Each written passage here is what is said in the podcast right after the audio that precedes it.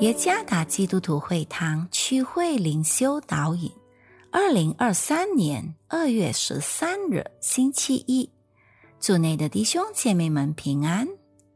今天的灵修导引，我们将会借着圣经哥林多后书第七章第八到十一节来思想今天的主题：从忧愁中深处喜乐。作者。李伟锦传道，《哥林多后书》第七章第八节：我先前写信叫你们忧愁，我后来虽然懊悔，如今却不懊悔，因我知道那信叫你们忧愁不过是暂时的。如今我欢喜，不是因你们忧愁。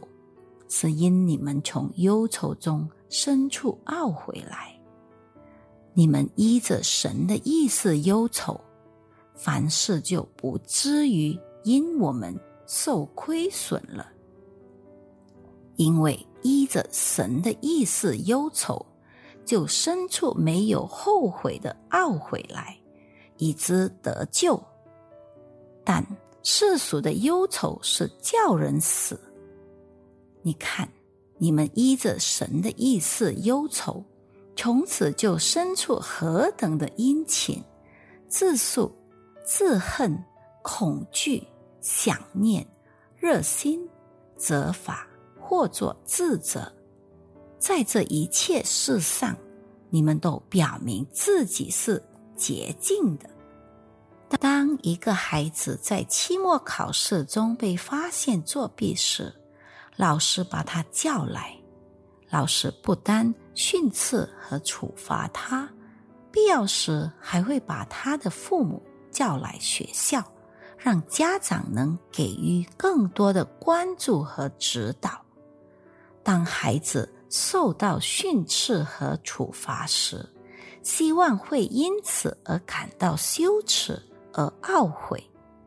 当然，所采取的行动不仅仅是为了取得威慑作用，而是为了让孩子感到懊悔，以免孩子以后重蹈覆辙，再犯同样的错误。保罗写给哥林多教会的信是一封严厉的责备书信。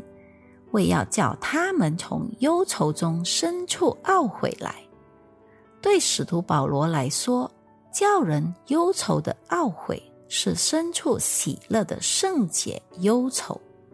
相反的，如果一个人因活在罪中而欢乐，那意味着他生活在真正的忧愁中。我们常常把忧愁的感觉视为不应当存在我们心中的消极情绪。相反的，喜乐的感觉是我们需要努力追逐的积极感觉。但实际上，我们真正的喜乐应当是从真正的懊悔来。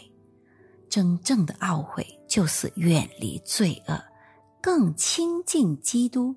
使我们的品格与基督的品格相似，所以作为选民，我们应当敞开心扉，接受上帝话语的纠正。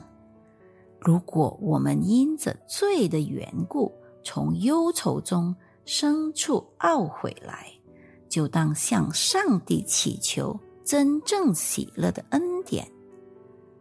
来自上帝那真正的喜乐，是赐给凡因着罪的缘故，从忧愁中生出懊悔之人的恩典。